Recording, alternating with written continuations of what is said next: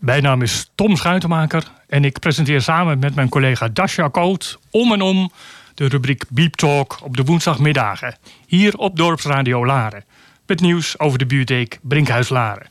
Maar eerst muziek. Olita Adams.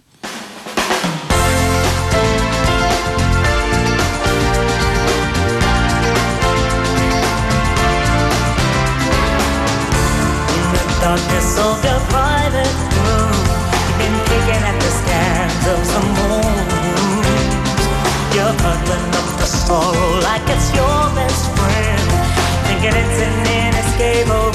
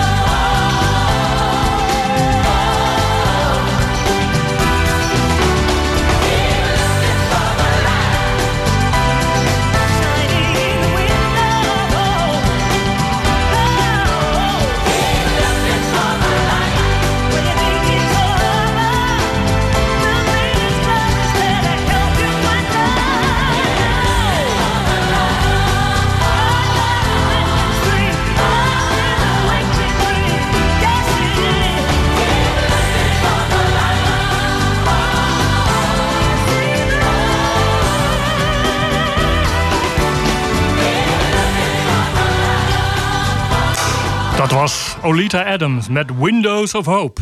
Een hoopvol lied, letterlijk. En dat kunnen we in deze barre tijd wel gebruiken. Een van de laatste activiteiten voor de lockdown in maart vorig jaar in de bibliotheek Brinkhuis Laren was de indrukwekkende lezing en optreden van Bart Moejaard in het kader van het 100-jarig bestaan van de bibliotheek Huizenlaren Blaricum. Bart Moejaard was in 2019 de verdiende, in onze ogen, eh, laureaat van de Astrid Lindgren Memorial Award. Die award heeft een prijzengeld van omgerekend 480.000 euro.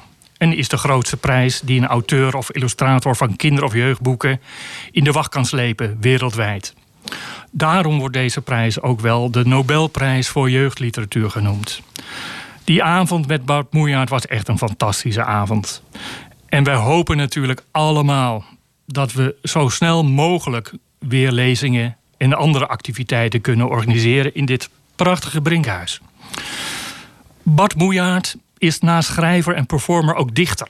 Hij was onder andere een aantal jaren stadsdichter van Antwerpen. Wij willen iedere editie van Beep Talk openen met een gedicht.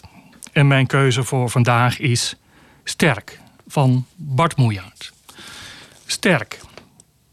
Ik dacht dat het niet kon. Dat iets wat je niet ziet, je alle dagen draagt en sterker maakt. Alsof je spieren krijgt van liefde. En kijk, het klopt. Het hart van oma slaat nog altijd over als ze opa ziet. Maar nu hij oud is en te bed, misschien nog net de hemel haalt, loopt oma sinds een poosje krommer en vraagt ze vaker om mijn arm. Zonder hem krijgt ze het huis niet warm. En zelfs de hond zakt zuchtend naast de luie stoel. Dus is het waar dat liefde spieren geeft. En op den duur ook vuur. Om bij de mooie Nederlandse taal te blijven, nu een lied van de Belg Johan Verminden. Vier hoog in de wolken.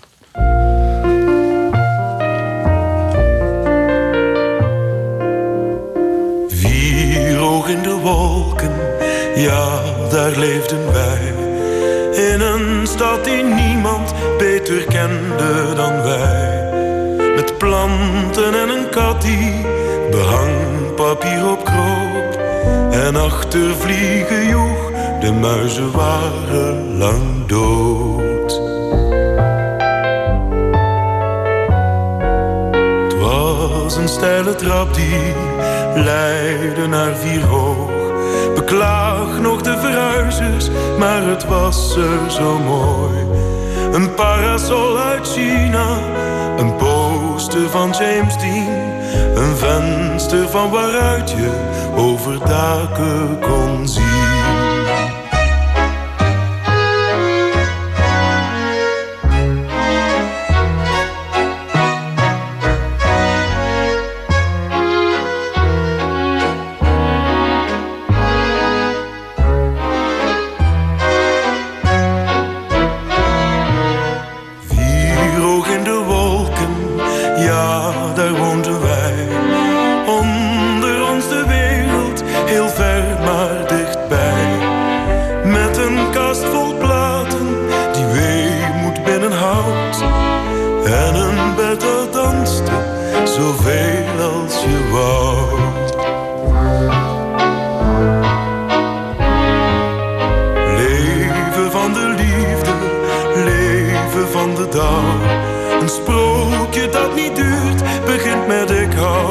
Jou.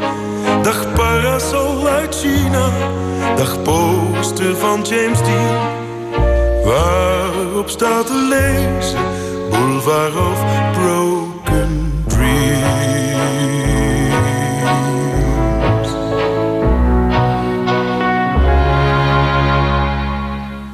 Vier hoog in de wolken van Johan Verminnen. Dat blijft mooi. In de wolken. Dat waren ze bij de Universiteit Leiden waarschijnlijk ook vorige week. Een internationaal onderzoeksteam, waaronder onderzoekers van de Universiteit Leiden, is erin geslaagd om een 17e-eeuwse brief digitaal te openen, zonder de brief zelf fysiek open te maken. Het team slaagde erin om de ijzerdeeltjes in de inkt op de brief te scannen met een speciale röntgenscanner. Vervolgens werden de gescande letters door een algoritme gehaald. Daar haak ik altijd af, maar het zal werken. Die brief is destijds met een speciale vouwtechniek in elkaar gevouwen. Hoe geheimer de inhoud, hoe complexer de vouwwijze van de brieven destijds. Want als iemand, hem dan openmaakte uh, uh, die niet de afzender was, dan zag je dat heel snel. Ehm, nu zouden we twee-traps uh, verificatie gebruiken bij een mail als we geen pottenkijkers willen. Maar vroeger ging je die brief dan erg ingewikkeld vouwen. De techniek die door het team uit Leiden onder andere is bedacht, stelt hen in staat om de inhoud te lezen, terwijl ook de unieke vouwwijze van het historische document geheel intact blijft. In die brief, die ze nu als proef hebben gedaan, uh, vraagt ene Jacques uh, aan zijn neef Pierre om een overlijdensbericht. Uh, Jacques was op dat moment een koopman in Den Haag.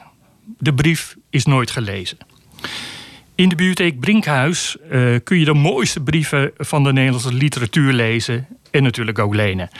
Wat dacht je bijvoorbeeld van de brieven van Vincent van Gogh? De meer dan 120 jaar oude brieven van Vincent van Gogh zijn de neerslag van het bewogen kunstenaarsleven.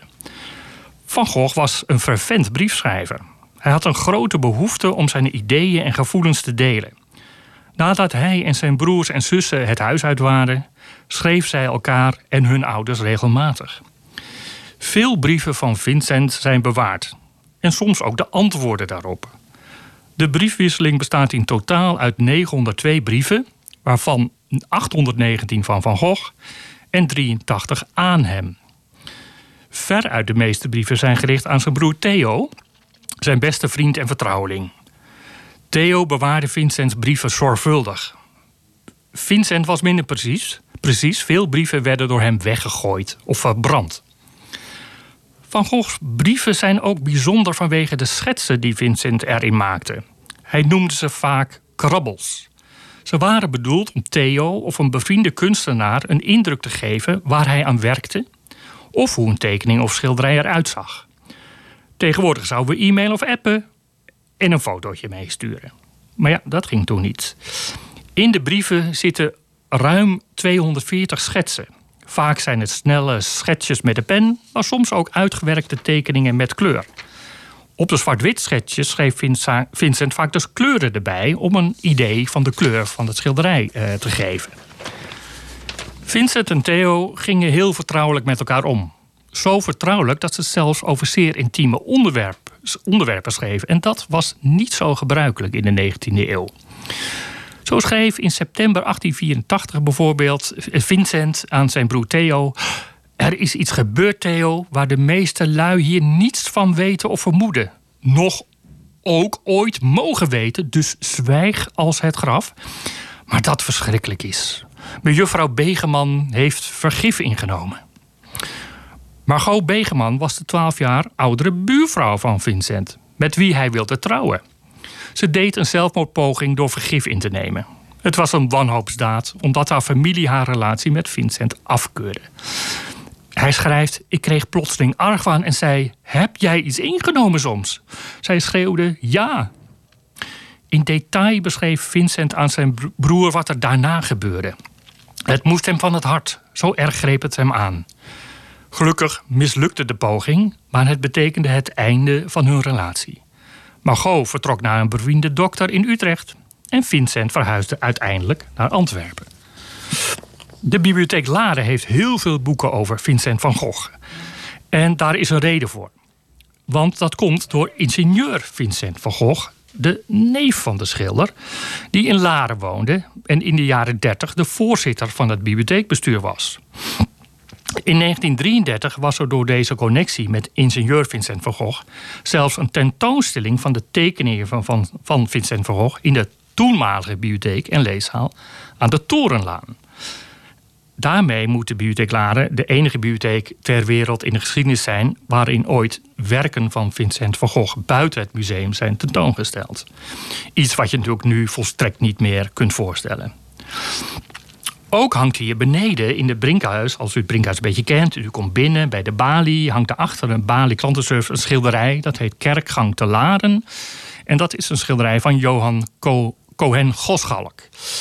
En die hebben we ook via de ingenieur uh, Vincent van Gogh gekregen. Uh, want, uh, en dan moet ik even de familiegeschiedenis opdiepen. Uh, Vincent van Gogh, de ingenieur, was de zoon van Jo Vincent eh, eh, eh, van Vincent, Jo Vincent Bonger. En die was getrouwd met Theo eh, van Gogh. Maar Theo overleed ook vrij jong. En toen is zij eh, naar eh, Nederland teruggekomen. In Bussum ontmoette zij de kunstschilder eh, Johan Goschalk. En eh, zij zijn gewoon hier in Laren op het Rozenlaantje in het landhuis.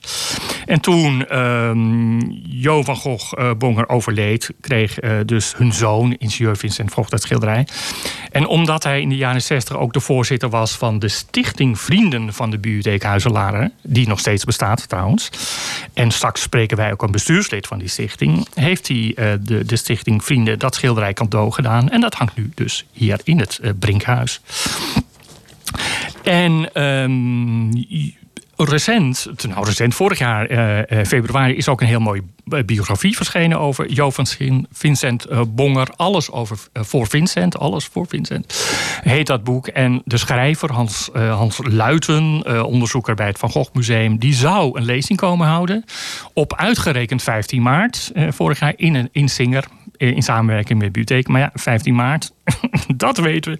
Toen ging zo'n beetje alles op slot. En toen is de hele lezing niet doorgegaan. Nou ja, misschien komt hij nog een keer in de herkansing. Want die Joop van Gogh Bonger is wel een heel interessant eh, persoon.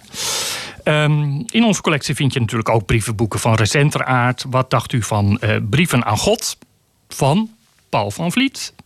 Herinneringen van Paul van Vliet in de vorm van brieven aan belangrijke mensen.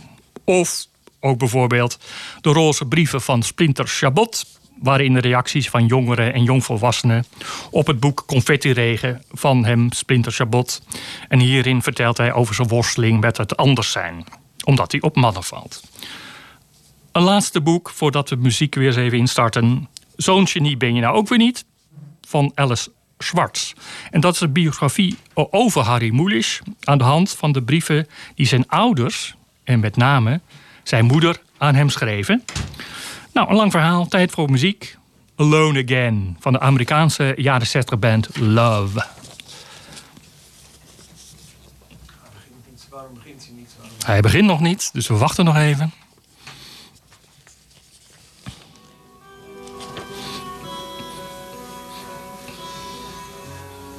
Ik hoor hem. Ja. Ja. Ik hoor hem links. al.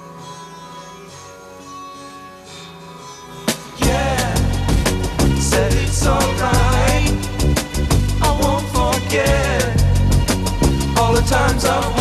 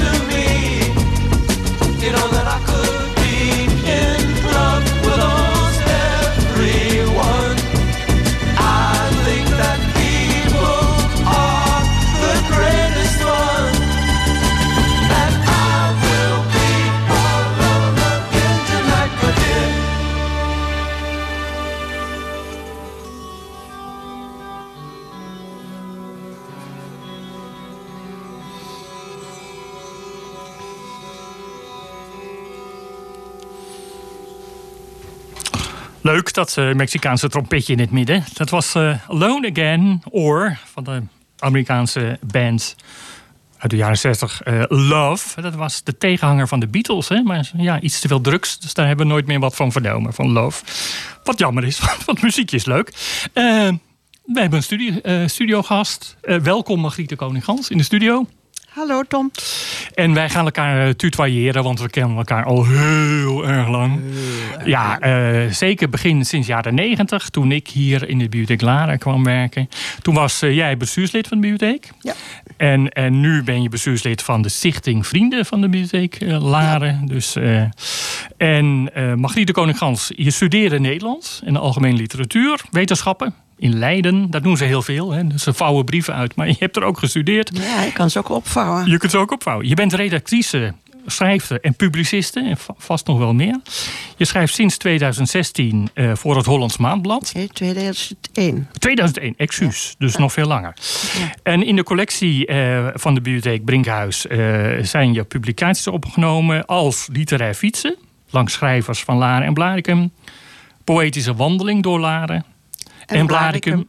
Dus de poëtische wandeling door Laren en Blarikum. En de laatste zomerspelen van 1907. Ja. Vergeet ik dan wat? Nee. dat is helemaal goed. Ehm, maar ja, het is, het is eh, coronatijd. En ik heb begrepen dat je veel eh, wandelt nu door Laren. ja. Als een soort corona-bezigheid? of deed je dat altijd al? Nee, ik eh, ben een slechte loper. Maar ehm, ik zwom altijd in de Biesem. En ik was heel erg verkouden. Dus de dokter had gezegd, hou daar eens een tijdje mee op. En ik zat hier op Tai Chi. En dat hield ook op. En toen deed ik niks meer. En het stormde in die tijd heel erg, in maart vorig jaar. Ja. En tegen de wind in fietsen, daar werd ik niet beter van. Dus toen dacht ik, nou ja, dan ga ik maar lopen. En toen heb ik mezelf opgedragen om elke dag één uur te lopen. En eh, daardoor heb ik Laren nog veel beter leren kennen dan ik dacht dat ik het kende. Want ik heb allemaal paadjes ontdekt. Ik was een ware padvinder geworden. Ja. En, en letterlijk elke dag? Nou, ik sloeg wel eens het dagje over.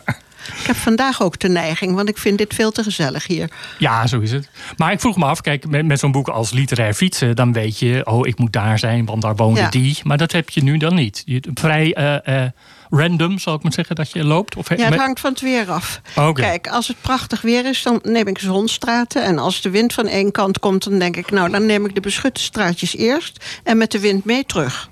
Snap je? Ja, Dus het hangt er vanaf. Dan kom ik in de ene hoek van Laren of in de andere hoek van Laren. Of, of ik ben soms al een klein eindje Blarikum. Want bij dat movenheidje loop je eigenlijk ongemerkt Blarikum binnen. En dat is voor mij ook niet zo ver. Dat zit nog binnen de, radius, de actieradius van mijn voeten, zal ik maar zeggen. ja, ja, ja. ja. Ja. En ben je, daar, ben je meteen eh, over die wandelingen gaan schrijven of dat kwam later Nee, pas? dat kwam later pas. Want ik dacht, god, ik zie, ik zie allemaal leuke dingen gebeuren. En rare dingen. Je ziet natuurlijk, omdat je in sommige hoeken nooit, nooit, lang nooit geweest bent... denk je, hé, hey, dat is hier helemaal veranderd. Wat is hier gebeurd? Of je raakt eh, bijvoorbeeld zoals eh, waar vroeger de bibliotheek was... wat nu dan houtzagerij heet, met een hoofdletter... want dat Ja. is een straat geworden. Ehm, dan zie je daar de ontwikkeling van die huizen. En je kunt er al inlopen, want ik ben al nieuwsgierig. Ga even kijken. En dan ben ik daar ineens aan de praat met mensen die dat pand hebben gekocht... en die vast eh, de vloerbedekking aan het leggen zijn en zo. Dat vind ik allemaal heel erg leuk. Of ik raak in gesprek met de postbode over een pand. En eh, de gekste dingen. Ah, dus je Ja. spreekt wel mensen aan. Eh, Nou, je raakt aan de je praat. raakt van- aan de praat. Ja, Iedereen wandelt. ja dat is inderdaad En zo, eh, je staat ergens te koekeloeren en eh, dan komt er iemand langs en die staat ook stil. En dan zeg je, weet u wat hier aan de hand is? Nee, zegt zo'n meneer dan met zijn hondje. Ik wo- ik woon ernaast, maar ik weet het ook niet. Zo. Ja, En nou ja, goed. maar nu heb je dus van een aantal wandelingen... of van elke wandeling een soort column geschreven? Of een verhaal? Nou, of, of... Het idee was, ik, ik lag dus in de... In het wat was het? Het Larens Journaal stond een ingezonden brief van een meneer. Een hele pagina. Omdat ze nu natuurlijk weinig programmapunten hebben die ze kunnen melden. En ehm, die meneer zeurde over de corona. En toen dacht ik, ja kom hé, eh, wees een beetje gezellig. Vertel even iets leuks omdat we elkaar hier allemaal kennen, dacht ik, ja, dan gaan ze mij natuurlijk vragen of ik even iets leuks wil schrijven. Dus toen ben ik begonnen. Jij dacht, ik ben dat voor. Nou, als ze dan bellen, dan sta ik niet met mijn mond vol tanden. Maar ik zat zo lekker te schrijven dat ik zo gewoon op een goed moment dacht: ik ga gewoon verder, want dat vind ik hartstikke leuk. En ik schrijf dus iedere keer als er iets gebeurt of als ik een gesprekje voer, één A4'tje, niet meer. En ik heb er nu 25 en er zitten er nog een heleboel in mijn hoofd. Dus eh, eh, onze vriend Leo Jansen, creatief directeur van eh Laren, zal ik maar zeggen. Mhm, wie kent die heeft al gezegd: Oh, dat wordt een boekska. Ah, Dus ik ben heel benieuwd of dat nog actueel is als de corona voorbij is. jawel, want die wandelingen blijven toch... Het gaat over Laren. Het Daarom, gaat echt bedoel- over Laren. Ja. Daarom, dat blijft natuurlijk langere Ja. tijd actueel. Ja. En nu hè, eh, leek het mij zo leuk als je één van die verhalen kunt of wilt voorlezen. Nou, ik heb er eentje geschreven, dus Ja? over die houtzagerij. Ja. Want ik vind de zijtak zo'n leuke naam. En ik vind het ook zo'n leuk rommelig straatje, dus ik loop daar graag. Ja. En dan kijk je dus vanzelf wat er allemaal gebeurt. Want eerst stonden die hekken er nog allemaal voor, met die bouwhekken. En dan kan je alleen maar in de verte kijken. Toen waren ze weg en ik erin. En toen kon je weer niet verder lopen dan de steenhouwerij. En toen kwam ik in gesprek met die mensen die daar bezig waren. En, en dan loop ik weer. En een tijdje later kom je er weer langs. En dan is het open en opgeruimd, begrijp je? En dan kan je door. En je Nou, loopt letterlijk op de oude bibliotheek. nou, dat is me gebeurd. en dat had ik dus pas op het laatste moment in de gaten. En daar heb ik ook een stukje over geschreven. Ik geef je de microfoon. Nou, dan doe ik mijn bril op. Het heet natuurlijk, je zult het niet geloven, brand. Van de Laardereng... Ja, ik moet het wel kunnen zien, hè. Van de Laardereng loop ik terug naar de zijtak... omdat er vandaag markt is. Het wijkje houtzagerij is nu klaar. Alle bouwtroep is opgeruimd en de straat is aangeveegd. Een man laat zijn boodschappen uit. Twee vrouwen komen met hun nieuwe huis uit om de hond uit te laten. Dan loopt een vader met een klein jongetje dat me stralend aankijkt. Kijk dan, ik kan lopen. Ik kijk naar de hoek waar mijn vriend uit Weesp nu woont. In het tuintje is plaats voor een ronde tafel met twee stoelen... en er staan twee heggetjes van elk een halve meter breed. Er is zelfs een leuk pleintje voor zijn deur gekomen... met wat struikgewas. Je kunt nu ook doorlopen naar de Sint-Jansstraat... want ik zie de garage van Guus Bouwman al voor me. Ineens valt het kwartje. Het pleintje ligt op de oude bibliotheek. Links op het parkeerplaatsje stonden de boeken. Hier was het filmzaaltje met zijn twaalf stoelen. Hier waren de detectiepoortjes toen de boeken gedigitaliseerd waren. Hier de blauwe wc-deuren met hun gele beslag. Waar mijn vriend uit Weesp woont, de hoek met vijf computers die ze hadden kunnen aanschaffen dankzij een legaat van een dorpsbewoner. Andere tijden. De nacht dat de brand uitbrak, sliep ik toevallig in Den Haag. Toen ik de volgende middag thuis kwam via de A27, kon ik het dorp niet in. Al het verkeer werd teruggestuurd, want het dorp was afgegrendeld. Via de A1 kwam ik ook niet veel verder, want daar rijd je meteen de dorpskern in. Na hoeveel omzwervingen ik uiteindelijk ben thuisgekomen, weet ik niet meer. Alle straten die naar de bibliotheek en de houtzagerij leidden, waren afgezet door brandweerauto's. Alle waterputten waren brandslangen op aangesloten, die door de straten kronkelden op weg naar de brand. In het holst van de nacht waren in een wijde kring om het terrein de mensen uit hun bedden gehaald en werden de huizen nat gehouden. Het moet een inferno geweest zijn. Een vlammenzee die tot ver in de hemel reikte. In het hart van het dorp. Uitgerekend de bibliotheek met 40.000 boeken. Dat was snel overgeslagen naar de houtzagerij. Nog weken rook het dorp naar de brand. Ik weet nog de paniek die ik voelde toen ik telkens weer om moest keren om op een andere manier te proberen thuis te komen. De bibliotheek, mijn dorp. Maar het heeft ook het proces versneld waarmee de plannen voor de bebouwing van het terrein zijn uitgevoerd. En de aanbouw achter de warrekam voor de verhuizing van de bibliotheek heeft ook een extra zetje gekregen.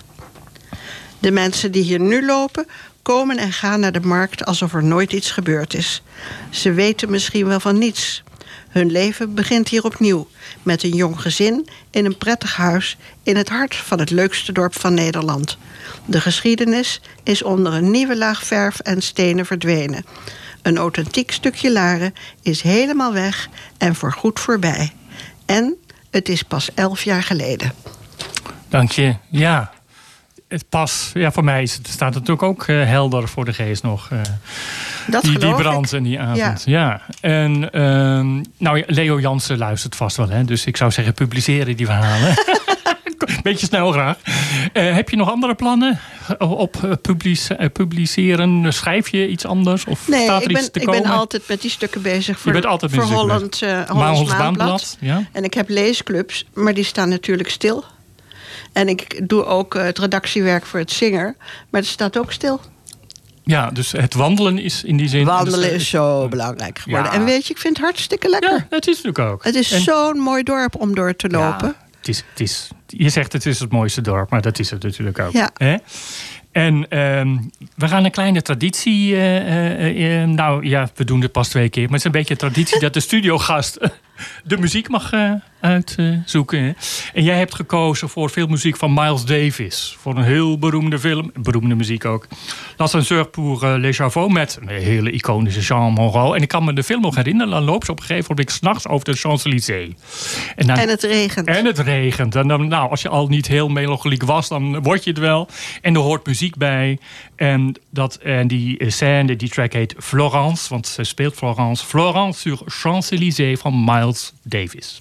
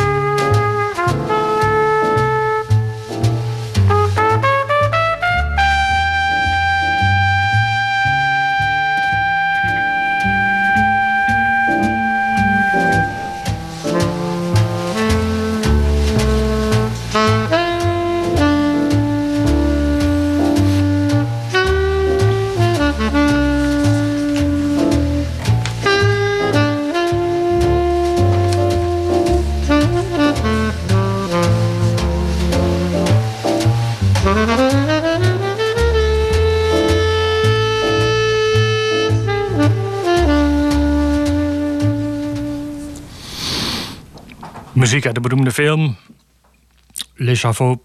Nee, L'Ascenseur pour Les Chavaux van Miles Davis. Ehm, ik ga, eh, eh, tenminste, ben ik van plan, een vaste rubriek uit de boekenkast. Want ik ben verantwoordelijk voor de collectie hier in eh, Laren en in Huizen. Dus ik dacht, ik ga iets over de collectie vertellen. Nou, is mijn collega Sil Wijnvoort. nou ja, geen onbekende op alle kinderdagverblijven, peuterspeelzalen en basisscholen in Laren. En die weet alles over kinder- en jeugdboeken. En ik weet daar toch iets minder van. Dus ik heb even haar hulp ingeroepen. En zij heeft mij een boek aangereikt. En nou is het wel erg jammer dat dit radio is, dus ik kan het niet laten zien. Dus ik moet het gewoon vertellen. Maar dat vond zij nu een heel mooi boek. En dat, heet, dat boek heet Het fabuleuze, van, het fabuleuze leven van Aesopus. En dat boek is van Ian Lanter. En die fabels die zijn 25 jaar, 2500 jaar oud. De fabels van Aesopus. En ze zijn wereldberoemd. En er zijn al veel boeken over verschenen. Maar in dit nieuwe boek um, maakt de illustrator heel mooi... vat al die uh, fabels uh, mooi samen in de eerste tekening. En daar staat Aesopus met alle dieren... tenminste een paar van die dieren uit de fabels... op een wereldbol. En gestart en geëindigd wordt dan met het levensverhaal van Aesopus. Want die, wat was nou het kenmerk van, van slaaf tot vrije man? En daarna worden dan tien van de vele fabels worden kort na verteld. En dierenverhalen fungeerden als geheimtaal voor slaven in de Griekse oudheid. Vertelde Silme, dat wist ik ook niet. Dus het is altijd wel weer leuk om te weten. Zo leer je altijd wat. En eh, in die hele grote illustraties, daar zitten heel veel subtiele, subtiele, subtiele details, excuus, die verwijzen naar de klassieke Griekse oorsprong. En ze zijn een beetje collageachtig met zachte kleuren en die trekken echt wel de aandacht en vullen de tekst aan. En de fel oranje brullende leeuw met een subtiel kroontje op zijn hoofd biedt een sterk contrast met het piep kleine muisje dat hem uiteindelijk redt. Dus de muis redt de leeuw, een van de beroemdste fabels. En elke fabel sluit dan af met een krachtige moraal op rijm. En hierin komt de poëtische vertaling van Bette Westra het beste tot zijn recht. Onder andere aan het eind van de fabel over de zon en de noordenwind. Waarin zij, die, de vertaalster schrijft, warmte en stilte zijn sterker dan stennis en kilte. Door een fabel te vertellen krijgt Aesopus zijn vrijheid. Fraai vormgegeven met dansende letters versterken de blijdschap. Eh, de letters, dus de, de, de typografie van het boek versterken de blijdschap over die vrijheid. Een aanwinst uh, voor uh, nou, kinderen vanaf vijf jaar, maar ook natuurlijk voor oud. Hè. Dit soort boeken heeft geen leeftijdsaanduiding. Gewoon voor jong en oud om samen te leven en samen te ontdekken.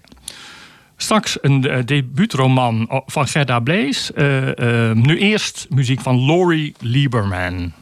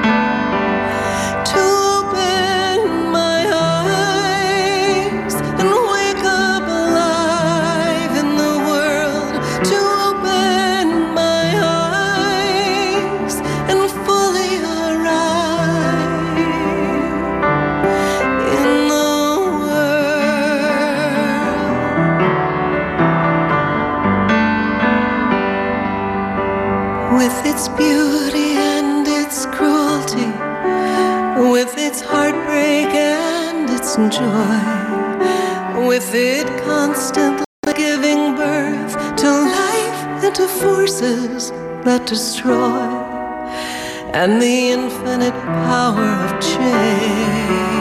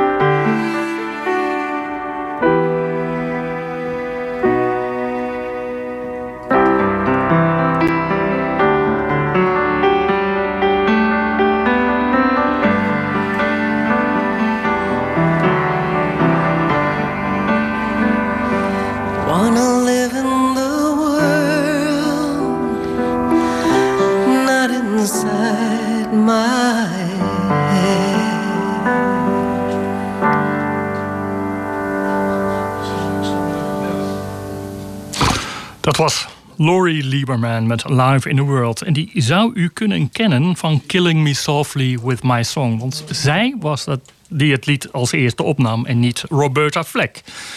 Daar zou ze beroemd mee geworden zijn. Waar het niet dat Roberta Fleck met eh, de eer ging eh, vliegen.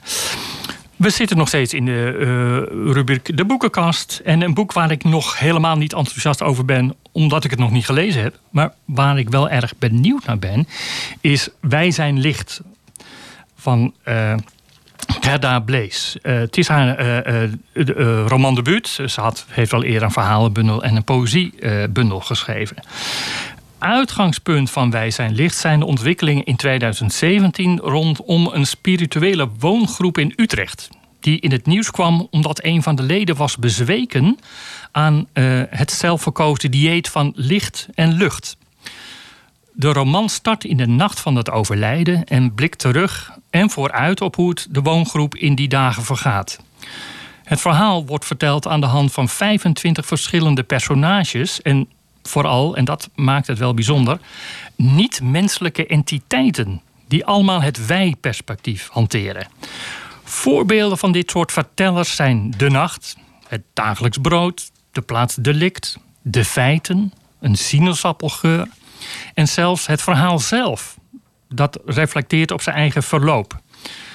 De auteur geeft deze perspectieven menselijke vermogens tot observeren, registreren en zelfs oordelen.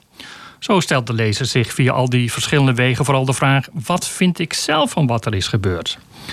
Het is een, uh, de recensent uh, schreef, of een recensent schreef een hele invoelende roman van een talentvolle auteur, overtuigend in een literair vernieuwende vorm gegoten. En ik ben vooral benieuwd naar die hele vernieuwende vorm. En uh, er staat nog op mijn verlanglijst en misschien straks ook op die van u. Ehm, het is weer tijd voor muziek, voor een van mijn grote muzikale helden, Joe Jackson, Be My Number Two.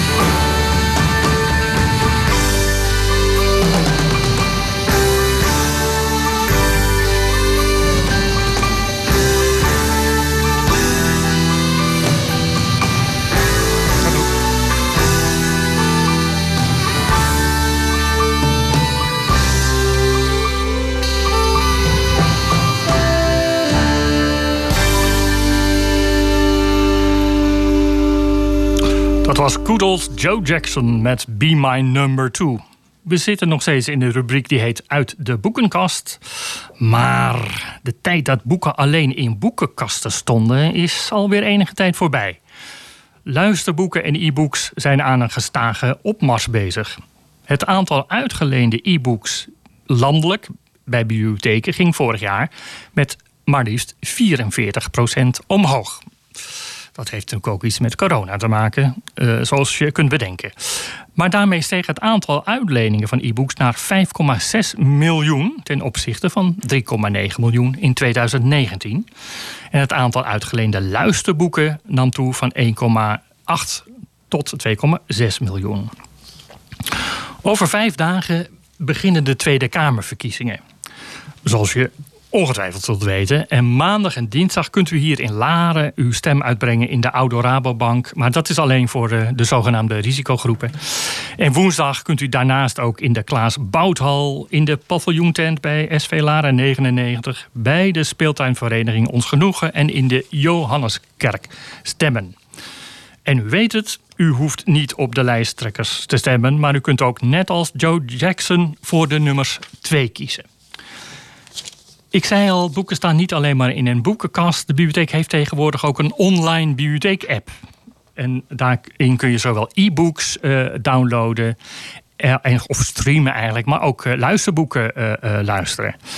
En in die online bibliotheek-app staat nu ook een ja, een selectie boeken over politiek. Dus ik dacht, Tweede Kamerverkiezing, ik licht er een paar uit.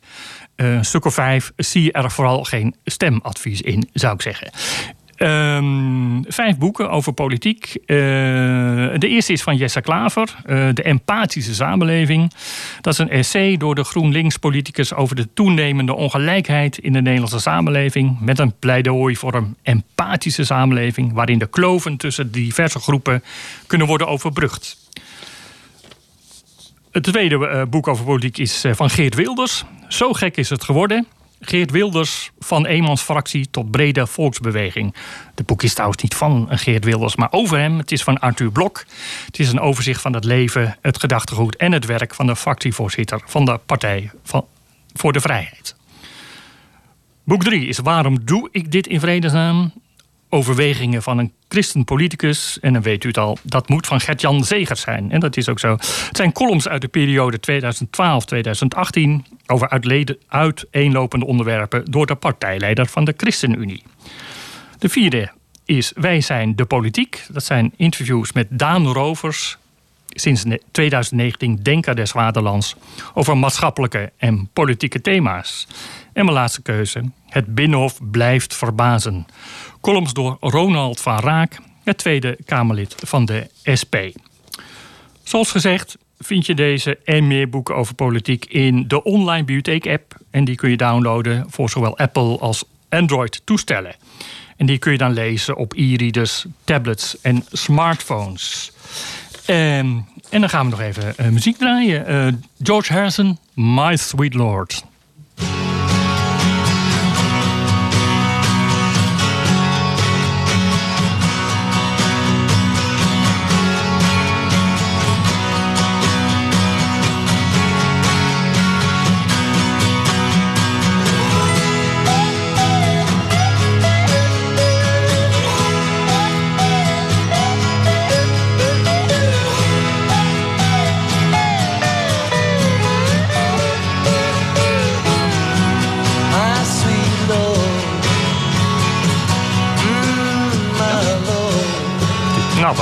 Luisteren naar George Harrison.